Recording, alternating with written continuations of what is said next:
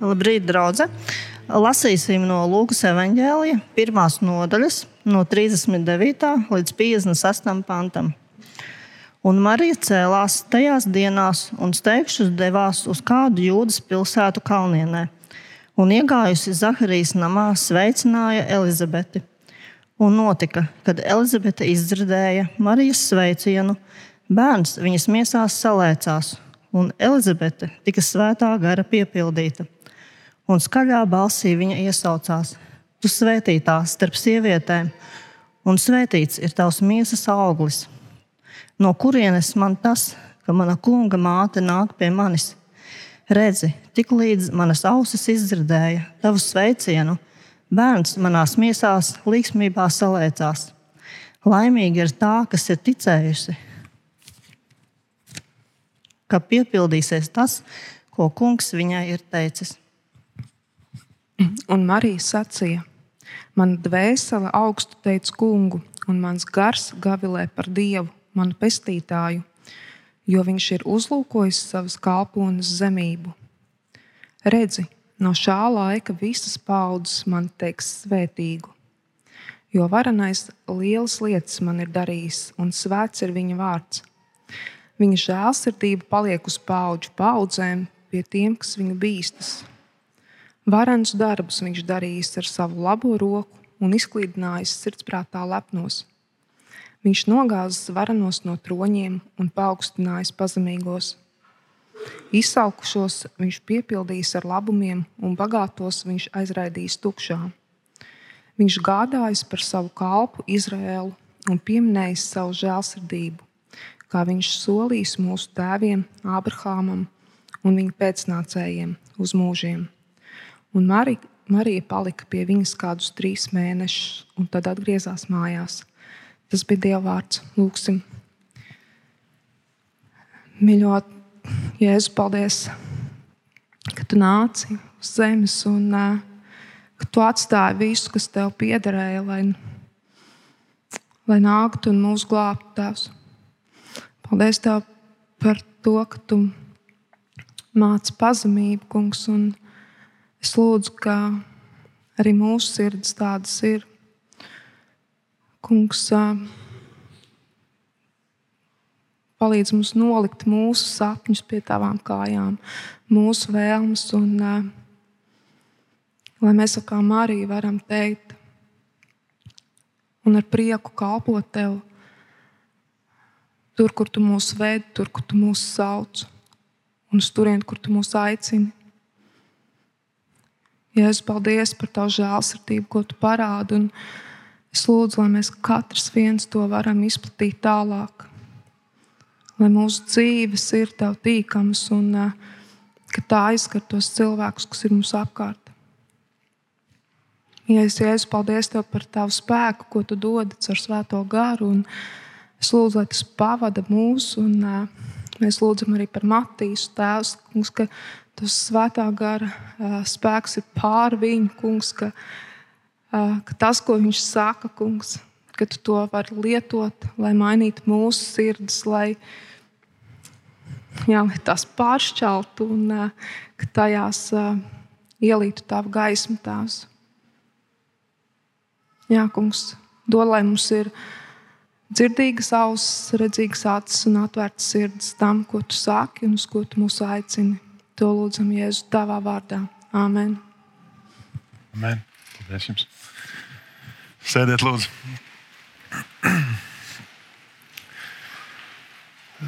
Mēs uh, turpināsim pārdomas par uh, Lūkas evanģēlīju pirmo nodaļu. Uh, mēs sākām šīs četras nedēļas adventā.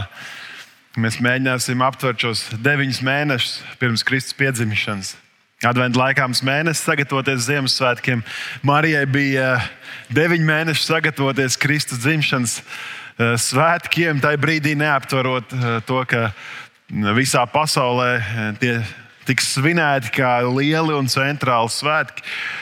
Un, līdzīgi kā Marijai nācās gatavoties tam, tā arī mēs gatavojamies svētkiem. Es domāju, ka katrs, kuram ģimenē ir nu, kāds uh, bērniņš piedzimis, es domāju, īpaši par pirmdzimto domājot, uh, zina, ka tas ir īpaši gatavošanās posms. Ka nu, jūs tagad sākat domāt, oh, būs puika vai meitene. Ja, tagad, laikam, topā diezgan ir vēl tās uh, nu, dzimuma atklāšanas balīti, kur tas saka, būs puika vai meitene. Uh, tad atkal jūs skatāties kalendāru un domājat, kā viņus sauks. Tad atkal jāsapērk drēbītes daudz par daudz pirmajam bērniņam, un viņš piedzimst lielāks nekā tas nopircis. Es domāju, ka viņš būs rītīgi maziņš, bet izrādās, ka viņi jau tagad dzimst lielāki. Un, uh, un tad atkal. Uh, Pāmpers sapērkat, mēģināt istabu iekārtot, gultiņu izdomā, kur, kur būs. Un, un ļoti daudz ieliek detaļas tajā gaidīšanā. Marijai bija mazliet atšķirīga pieredze. Tajā laikā tā bija ļoti atšķirīga. Un, un reizē arī ar svētkiem. Ziemassvētkiem. Šīs četras nedēļas mēs gatavojamies. Ja? Es nezinu, kā jūs, vai jūs drīkstat spēlēt Ziemassvētku dziesmas tikai pēc 18. novembra, vai tikai pēc mirušo uh, piemiņas svētdienas, vai ne mūžības svētdienas, vai sākot no pirmās adventas. Es īstenībā šajā ziņā esmu paņēmis sev nost, ja kādas ierobežojumus. Es varu vasarā klausīties Ziemassvētku dziesmas, un, un bieži vien sāku tā intensīvi oktobrī vai novembra, novembra sākumā klausīties. Man liekas, tas svētku laiks gribas pagarināt. Mēs gatavojamies svētkiem. Mēs dekorējam māju. Es domāju, daļa no mums jau ir nopirkuši eglīti vai gājuši uz mežu, cirst pašu eglīti. Tas ir atkal jauns piedzīvojums. Mēs kaut kā gatavojamies, varbūt ne tik eh, skruplos kā Filips, vai ne? Ka viņam ir tāds saraksts tik garš, ka paldies, ka tu nestāstīji visu, bet pēc tam man ir daži jautājumi. Eh, bet, uh, Mēs gatavojamies, mums patīk sagatavoties svētkiem. Un, un ja mēs negatavojamies, tad vienmēr sakām, pagaidi, bija jau svētki, kā viņi paskrēja. Un tad atkal nāk tā steiga milzīgā, kad mēs nepaspējam īsti sagatavoties. Un, un, un tad mums īsti tā svētku sajūta un prieka nav. Ir tikai tāda smaguma sajūta, atkal, un tas nav no pārēšanās vienmēr, tas reizēm ir no tās spriedzes, kas tajā laikā ir. Šodien gribu skatīties uz Mariju, uz viņas piemēru, uz viņas eh, veidu, kā viņa gaidīja. Un īpaši šajā satikšanās reizē ar, ar Elizabeti, ar savu radinieci, kur gaidīja savukārt atkal brīnumainā veidā ieņemt bērniņu savā sirmā vecumā, kad viņa bija neauglīga. Un, un, un Dievs uh, darīja varenu savu vārdu, un viņa gaidīja uh, Jāņa Kristītāja piedzimšanu. Bet uh, mazliet pārslēdzot tēmas. Cik daudz no jums pazīst? Es domāju, ka katrs no mums pazīst kādu cilvēku, kurš ir ļoti tāds, nu, pašcentrēts. Vienmēr, kad to ar viņu runā, es uzdevu dažus smaidus, ja, tad jūs zināt, par kuriem es runāju. Eh, vienmēr, kad to ar viņu runā, viņš jebkuru sarunu aizvedīs pie sevis. Viss pasaulē notiek tikai par viņu. Eh, jebkas, kas, jeb par ko jūs varat sākt runāt, beigās būs es, es, es, es. es. Un baigi jau, nu, negribas jau uzreiz viņu sūtīt prom, bet tās sarunas ļoti nogurdina. Tie cilvēki ļoti izsūta enerģiju un, un liekas, nu, tā grūti ar viņiem pavadīt laiku. Cik bieži es esmu tas cilvēks? Tagad nevajag pacelt jums roku pret mani, nu, kur pēc tam pasakat. Ja. Bet es domāju, pietiekami daudz reizes es esmu tas cilvēks. Cik bieži tu esi tas cilvēks, kad jebkur mēs aizējam, viss ir par tevi. Tu esi visu notikumu centrā. Tu esi savas pasaules centrā. Un liekas, mēs jau katrs dzīvojam savu dzīvi loģiski, ka es esmu katrs savas pasaulītes mazās centrā. Nevienam no mums nepatīk ar tādiem cilvēkiem ilgtermiņā pavadīt laiku.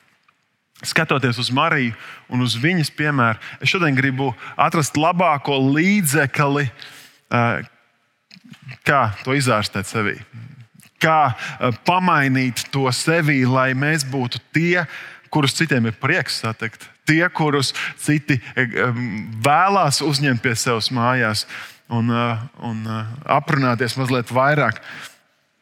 Un, Marija šeit ir devusies, Marija tad ir satikusies ar, ar eņģeli pārdabiskā veidā. Eņģelis viņai teica, nu, tici vai nē, bet tu ieņemsi bērniņu un tas būs varenā Dieva dēls, vai ne? Un viņi saka, kāds var būt. Un viņš saka, varbūt tici, un, un, un, uh, un notiek brīnums, un viņi sāk gaidīt bērniņu.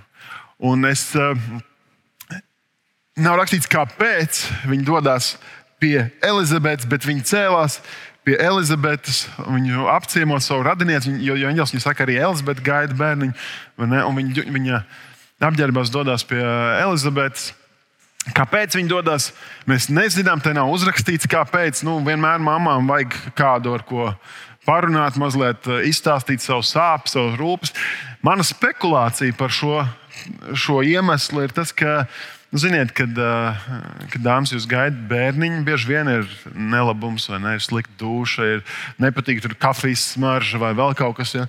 Un, un, es pieņemu, ka Marijai arī sāka palikt grūti nu, noslēpt to, ka viņa gaida bērniņu no apkārtējiem cilvēkiem.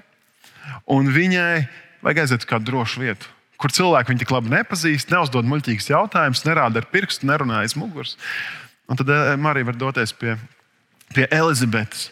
Un tur arī beigās, vai ne šī teksta beigās, ko mēs lasījām, rakstīts, viņi palika tur trīs mēnešus. Ka bišķiņi ir norimušās sarunas, bišķiņi ir norimušās emocijas, druskuļi ir pazuduši nelabumi. Ne? Mēs, protams, nezinām, varbūt dievišķā grūtniecībā ir kaut kādas citādākas uh, īpašības, bet, bet uh, tai pašā laikā es esmu vairāk pārliecināts, uh, ka tā saruna, pirmā saruna ar Jāzepu nebija viegla. Ja? Kam arī aizgāja pie Jāzepa, saka, Jāzep, nu, mēs te drīz precamies, es gaidu bērniņu, un Jāzeps zina, nu, ka tas nav manējais. Un Es, protams, eh, pieņemu, ka Marija mēģināja cik vien precīzi un detalizēti atstāstīt, kas notika. Tomēr man ir grūti iedomāties, ka Jāzeps to tādu, ah, nu labi, jā. Ka tur bija druskuļi tāds aizdoms. Un ir rakstīts, ka Jāzeps gribēja slepus viņu atstāt un doties projām. Un, un paldies tam eņģelim, kurš saprata, ka jāaiziet arī parunāt ar Jāzepu. Jo, jo citādi būtu stāsts mazliet atšķirīgs. Bet uh, es domāju, līdzās tās sarunas apkārt ļoti ātri var sākties. Un, un Marijai nebija viegls ceļš. Mēs, protams, esam zināmā mērā glorificējuši to viņas piemēru. Un, un te arī šajā tekstā rakstīts, ka tu būsi teikts starp visām sievām. Un, un tā ir. Ne, ir Mēs varam tur pārmest brāļiem, katoļiem, ka viņi pielūdz Mariju vai kā, bet, bet viņi tiek godināti īpašā veidā.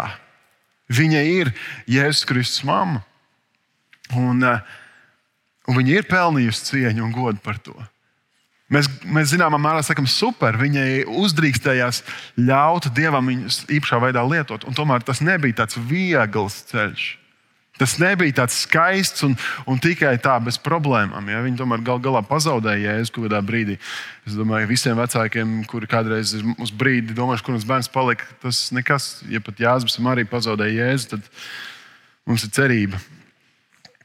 Bet uh, Marija šeit mums parāda piemēru, kā dzīvot tādu uh, pielūgsmes pilnu uh, dzīvi, ar pielūgsmes un slavas pilnu piemēru, kā viņi gaida svētkus, kā viņi gaida Jēzus piedzimšanu un kā mēs varam gaidīt Jēzu savā dzīvē. Un es domāju, ka mēs šeit vairums esam pieņēmuši Jēzu savā dzīvē kā savu kungu un glābēju un sekojam viņam. Un mums vajadzētu dzīvot ar šo pielūgsmes un slavas motīvu. Manā Bībelē ir tie mazie virsraksti pie dažādām perikopēm. Un, eh, un šajam, šim tekstam, ko mēs lasījām, tur vidū pie 46. pānta, man rakstīts, ir Marijas slavas dziesma dievam. Es godīgi sakot, šaubos, ka tas bija kā mūziklā, ka Marija iegāja pie Elizabetes un tad sāka dziedāt. Diez vai, bet uh, cauri laikam, protams, mēs esam pielikuši klāt, ka tā bija kā dziesma, bet katrā ziņā viņas sirds gavilēja. Slāva un pielūgsme nav tikai dziesma, ko mēs izdziedam šeit svētdienā. Slāva un pielūgsme nav tikai tas brīdis, kad mēs slavējot eh, Dievu paceļam rokas šeit baznīcā. Slāva un pielūgsme ir kaut kas vairāk, kas ietekmē visu mūsu dzīvi, ka mēs katru soli, katru dienu varam dzīvot viņam par godu. Un es ticu, ka šeit pie Marijas mēs to redzam. Vairākas lietas gribu apskatīt. Pirmā lieta, ka Marijas dzīve ir dzīve ticībā. Ja, tad, tad pirms vēl Marija tur uh, šo, šo izdziedājumu skaisto veids. Bet, bet tur Elizabete ir piedzīvojusi, ka no tā vien, ka Marija ienāk telpā un sasveicinās ar viņu un, un nes sevī Jēzus bērniņu, kurš attīstās vēl. Jānis Kristītais, uh, Elizabetes punsīte pilnīgi salacās un, un Elizabete kļūst svētā gara pilna. Un Elizabete saka par Mariju, laimīga ir tā, kas ticējusi, ka piepildīsies tas, ko kungs viņai ir teicis. Tad, tad Marija Tā ir dzīve ticībā. Jautājums, vai es vienmēr ticu tam, ko kungs ir teicis? Vai tad, kad es lasu savu Bībeli un lasu kaut kādus apsolījumus, kas tiek attiecināti uz kristiešiem, uz dievbijīgiem, tiem, kas tic un, un, un meklē Dievu, vai, vai es to attiecinu uz sevi, vai es pieņemu to ticībā, ka tas attiecās uz mani, vai, ir, vai es vienmēr sevi redzu kā tādu izņēmumu gadījumu? Ja? Dievs var dziedināt visus, viņš var runāt uz visiem, tikai no uz mani. Cik bieži es tā jūtos? Marija Viņas ticība nav kaut kāda abstrakta ticība, kaut kādam lielākam spēkam, universālam spēkam. Viņai ir ļoti skaidra ticība dzīvam, dievam, kurš darbojas. Un, ja Dievs saka kaut ko, ja Dieva eņģēlis kaut ko viņai saka, tad tā arī notiks. Ja? Elizabete ir ticējusi, ka piepildīsies tas, ko kungs viņai ir teicis. Laimīga. Kāda ir mana ticība? Vai es ticu tam, ka Dievs joprojām darbojas. Ka Dievs joprojām var darboties vienkārši cilvēku dzīvē, tāda kā es, tā kā tu. Mēs, protams, visi esam īpaši un, un brīnišķīgi un, un radīti pēc Dieva tēla un līdzības. Bet, bet Marija jau nebija neko īpaši izdarījusi, lai izpelnītos Dieva svētību. Viņa bija vienkārši jaunieta. Tur var spekulēt, cik viņai gadi - 13, 15, 16 gadi. Jā, vienkārši jaunieti, jūda meitene. Dievs izvēlās, es vēlos tevi lietot. Es vēlos caur tevi svētīt visas tautas. Es vēlos caur tevi kaut kādā īpašā pārdabiskā veidā darboties. Vai es pieņemu, ka Dievs var potenciāli gribēt caur mani kaut ko izdarīt? Ka Dievs var caur tevi gribēt kaut ko izdarīt šajā pasaulē, šajā laikā. Labi, Jēzus nenāks caur tevi vēlreiz, bet Jēzus var darboties caur tevi vēlreiz. Atkal un atkal. Ja es saku, caur jums es vēl lielākas lietas darīšu, ja? jūs paveiksiet vēl lielākas lietas nekā es. Mēs, kā draugi, paveicam vēl lielākas lietas nekā Jēzus tajā laikā. Un tas ir apbrīnojami. Un es nespēju palikt pie šiem vārdiem vienaldzīgs. Jautājums, vai es ticu tam, ka Dievs darbosies manā dzīvē? Marija, Marijas piemērs rāda, ka tā ir dzīve Dieva slavēšanā, Dieva pielūgsmē. Mēs bieži vien domājam, es iepriekš mazliet minēju to, to ka ir cilvēki, kas domā, o, oh, es esmu viss centrā. Un tad ir atkal cilvēki, kuri ļoti vairās no tā, ka tikai nesāktu tā domāt, un tad viņi saka, es nekas, esmu maziņš, nabadzīgs, ne, ka tik ne, nepaskatieties uz mani. Un tā ir atkal otra galējība. Dievs tevi ir radījis brīnišķīgu. Dievs grib tevi lietot brīnišķīgi, un Dievs var tevi lietot brīnišķīgi. Un tu drīksti arī par to slavēt Dievu. Jautājums ir, kas ir tavs dzīves centrā? Tu pats vai kaut kas lielāks? Vai Jēzus ir tavs dzīves centrā? Un redz, Marija, tad, kad viņai tiek izteikts šis par viņas eh, ticību lielo, viņa sāk slavēt Dievu. Viņa nesaka, o, jā, es ticēju, redzēt, kāda es esmu brīnišķīga. Es, man eņģēlis toreiz atnāca, viņš teica, jā, es teicu, forši, es izdarīšu. Kas man jādara? Nē, viņa, viņai bija arī zināmas šaubas, jautājumi, kā tas ir iespējams. Un tomēr tajā brīdī, kad tiek norādīts uz viņas ticību, Marija saka, mana dvēsele augstu teica kungu, un mans gars gavilē par Dievu, manu pestītāju. Tā ir patiesa slava, ko viņa uzreiz uh, vērš pret Dievu. Pielūgsmes mērķis nav vienkārši radīt kaut kādas sajūtas. Pielūgsmes mērķis nav radīt skaistas dziesmas, un man ļoti patīk skaistas dziesmas. Man ļoti patīk slavēt Dievu kopā. Un arī vienatnē man ļoti patīk kristīgā mūzika. Es to varētu klausīties nepārtraukti. Un, uh, un tomēr pielūgsmes mērķis nav radīt skaistas dziesmas. Pielūgsmes mērķis ir ievest cilvēkus tuvākās attiecībās ar Dievu. Un tās attiecības ar dzīvo Dievu mums, kā kristiešiem, ir vitāli eh, svarīgas un vajadzīgas, jo tās dod mums piepildījumu. Mēs varam meklēt dzīvē piepildījumu dažādās vietās, lietās, procesos un, un neatrast to tur. Bet tajā brīdī, kad mēs sākam slavēt Dievu, ka mēs tuvojamies Viņam, tad mēs atrodam to piepildījumu. Tad vairs nav runa par to, kādi ir ārējie apstākļi. Jo visos, visos laikos, visos apstākļos Dievs var pagodināties un lietot tevi. Šajās attiecībās mēs, kristieši, arī varam saņemt dziedināšanu, tādu iekšēju un arī reizēm fizisku dziedināšanu. Dieva pielūgsme un slavēšana nav atkarīga no tavām sajūtām, no garstāvokļa, emocijām vai gatavības slavēt. Dieva pielūgsme Un slava ir tādēļ, ka Dievam pienāks viss gods. Viņš neatkarīgi no manas kaut kādas dzīves situācijas vai stāvokļa. Es varu slavēt grūtībās, es varu slavēt sāpēs, es varu slavēt priekā. Es varu slavēt tad, kad citi aprunā, un es varu slavēt tad, kad citi slavē tevi. Mēs skatāmies uz Mariju un redzam, ka viņas pielūgsme, jeb šī visa dziesma, ko viņa, viņa izdzied, vai kas ir pierakstīta Lūkas evanģēlijā, un Lūks mēģinājis būt pēc iespējas precīzāks. Viņš ļoti daudz aculieciniekus nu, intervējis. Ja? Ļoti iespējams, eh, vai, vai viņš tieši Mariju intervēja, to mēs nezinām, bet, bet Lūks šo ir pierakstījis pēc iespējas precīzāk. Un, Un mēs varētu skatīties uz, uz Marijas to dzie, dzie, dziesmu un, un, un to viņas stāstījumu un teikt, bet Marija nu, tā teoloģiski varbūt nemaz nav tik bagātīgi tur visu aprakstījusi.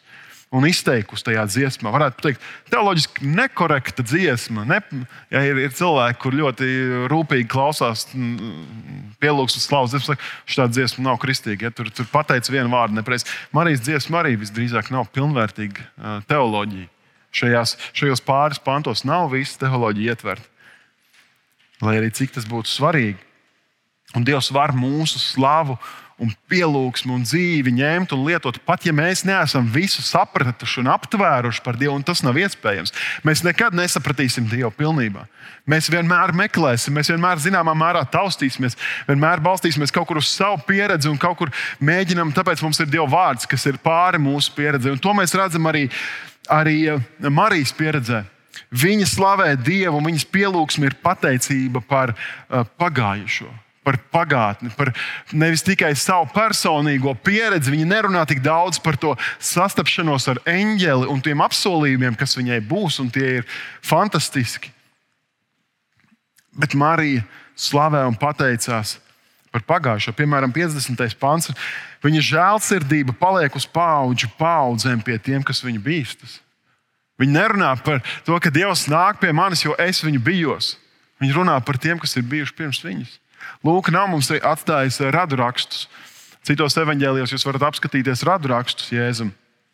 Mēs redzam, ka pirms Marijas, pirms, pirms Jēzus, Marijas un, un citiem ir bijuši citi. Tur ir līdz ķēniņam, Dāvidam, līdz Ābrahamam. Mēs redzam, kā tur, tur ir bijuši dievbijīgi cilvēki. Mēs pirms pāris nedēļām runājām Matejā par to, kāds ir mantojums, ko mēs esam saņēmuši. Mēs neatradāmies šeit tā vienkārši. Kāds ir bijis pirms mums, kāds mums ir devis dzīvību. Un tas, protams, ir pāri visam Dievs, bet ir arī mūsu vecāki. Vai tavā dzimtā ģimenē ir ticīgie, kur ir lūguši par tevi? Vai tu esi tas pagrieziena punkts? Bet dzīve neapstājās ar mani. Ir kaut kas lielāks, ko es nodošu tālāk. Un šeit Marija arī nerāda tikai uz sevi. Viņa saka, paldies, slavu Dievam par to, kas svētī no paudzes uz paudzi, kas ir līdzās no paudzes uz paudzi.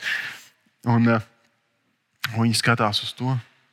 Un Marijas pielūgsme ir arī daļa no gaidām un ilgām, ko Dievs darīs. Un tās arī ir lielā mērā balstītas uz to, kas notika vecajā derībā, uz dažādiem notikumiem, par to izpratni, kāds ir Dievs, kā viņš darbojas. Un tur ir, tur bieži vien patiešām tur viņi nerunā par grēku piedošanu lielā mērā. Ja, tas, ko Jēzus, kas ir Dieva plāns caur Jēzu, kāpēc viņš vispār nāca, lai mums varētu būt atjaunotas attiecības ar Dievu, lai apklātu mūsu grēku, ne, mūsu, mūsu kļūdas, vainas, mūsu sāpes un problēmas. Nē, viņi vairāk runā par tādu sociālu taisnīgumu, par izlīdzināšanos. Viņi gaida šo glābēju mesiju, Dieva iejaukšanos caur tādu politisku uh, sakārtošanu. Nu, piemēram, 52. pantā rakstīts, viņš, tad Dievs nogāzis varenos no troņiem un paaugstinājis pazemīgos. Tur 53. pantā izsaukušos viņš piepildīs ar labumiem, un bagātos viņš aizraidīs tukšā. Mēs redzam, ka viņa runā, viņai vienkārši ir šīs ilgas par to, ka Dievs atrisina kaut kādas sāpes, kas valda sabiedrībā. Tas atkal nav pašcentrētas ilgas. Viņa nerunā par to, cik es būšu varena, Viņi nerunā par to, kā es būšu svētīta. Cik bie, mēs, mēs pārsvarā tomēr savā lūkšanā pie Dieva. Runājam, Dievs, tu redz manu problēmu, tu redz manas vajadzības, tu redz, kā man vajag, lai sakārtojās darbā, tur man vajag, lai sakārtojās attiecībās. Ja? Un Dievs redz, un Viņš to zina, un Viņš par to rūpējas. Mums ir jāiet pie Dieva ar godīgām, patiesām rūpēm un lūgšanām, kas man sāp, to es nolieku pie Dieva kājām. Bet šeit mēs redzam, ka Marija rāda šīs ilgas, ka Dievs atrisinās sāpes sabiedrībā. Un es ticu, ka Dievs joprojām caur Jēzu Kristu var atrisināt šo netaisnību. Dievs caur Jēzu Kristu, ja mēs uzticamies Viņam, sakojam Viņam, varētu atrisināt kara jautājumu Ukrajinā. Viņš varētu atrisināt nevienlīdzību, sociālu nevienlīdzību. Var atrisināt tos tādus jautājumus kā cilvēku tirzniecība, narkotika atkarības, pornogrāfijas atkarības, alkoholisms. Ja mēs tuvojamies Dievam, tas sakārtojās. Šīs sociālās nevienlīdzības, kaut kādas problēmas, kas ir sabiedrībā. Tai būtu jābūt daļai no mūsu pielūgsmes. Šīs ilgas, par ko man sāp sirds, par ko tev sāp sirds?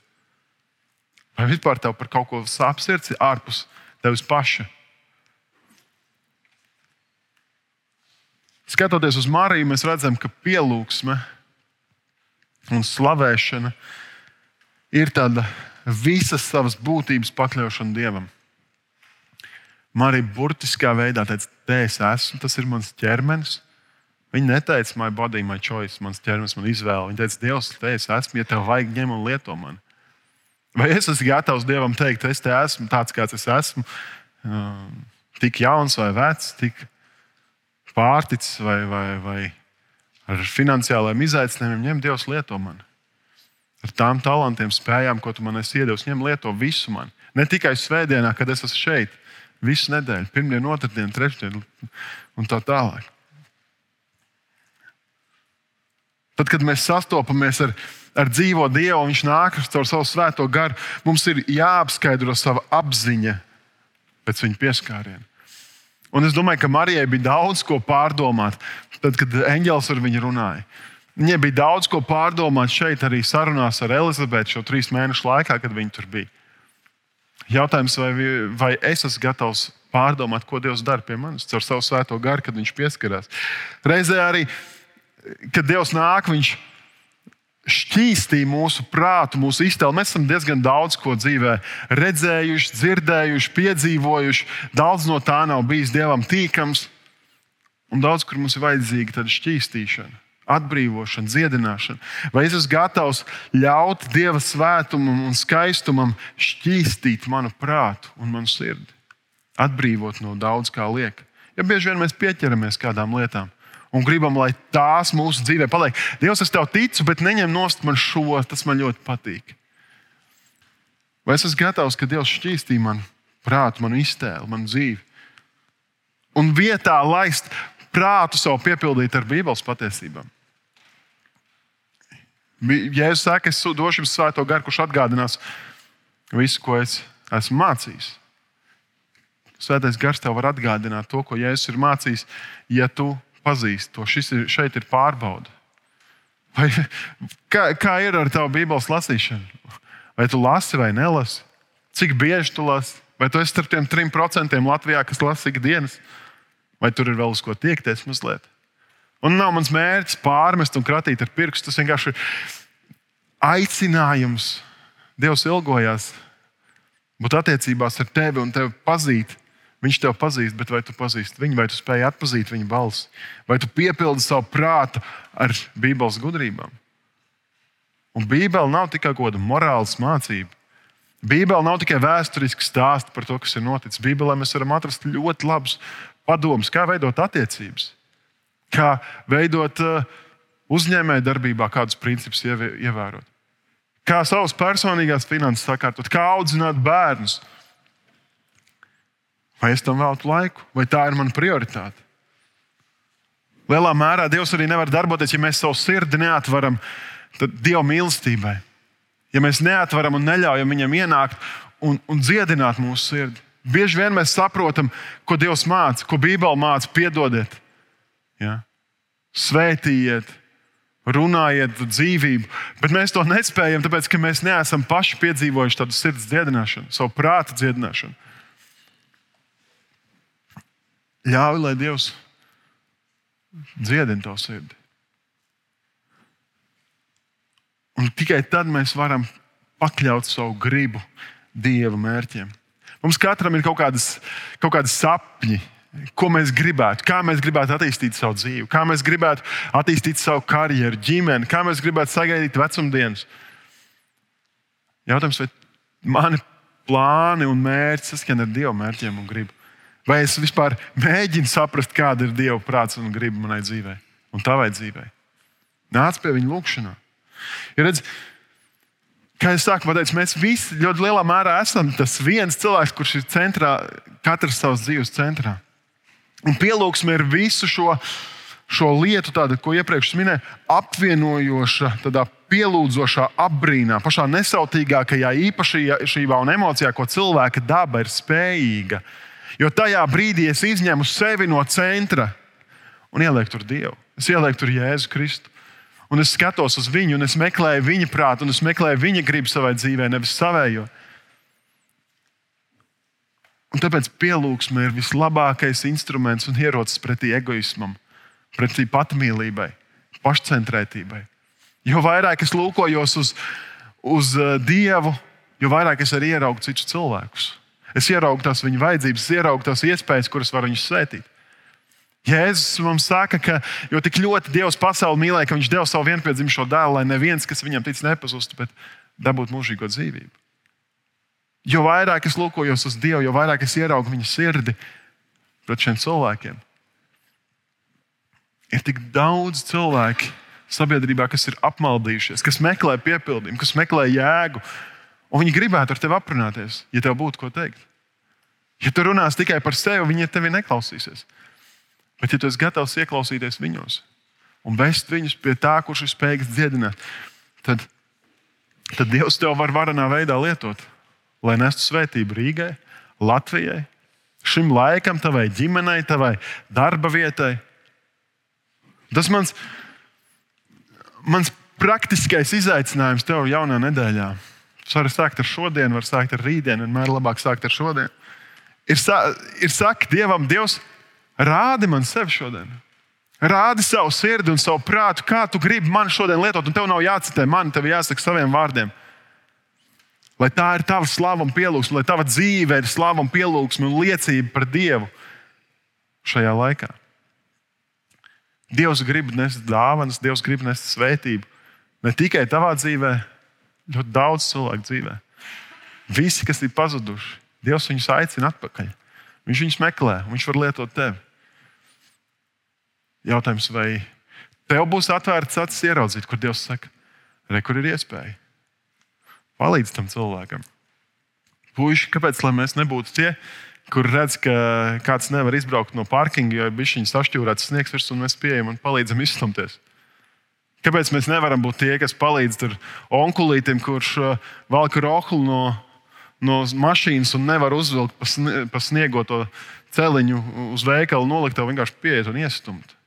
Kāpēc mēs nevaram būt tie, kuri paklausa Dieva impulsam, kas mūsu sirdī ir un aiziet par kādu aprunāties, uzrunāt viņu, iedrošināt, aizlūgt?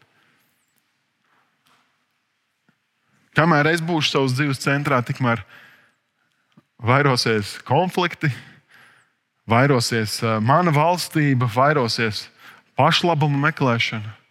Tas nav mūsu uzdevums kā draudzēji. Tas nav mūsu uzdevums kā Dieva bērniem. Mūsu uzdevums kā Dieva bērniem ir mirdzēt šajā laikā.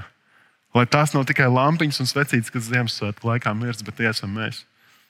Dievam par godu. Un tā ir vislabākā slava un pielūgsme, ko mēs varam šodien nest. Es aicinu, ka mēs pieceļamies un lūdzam Dievu.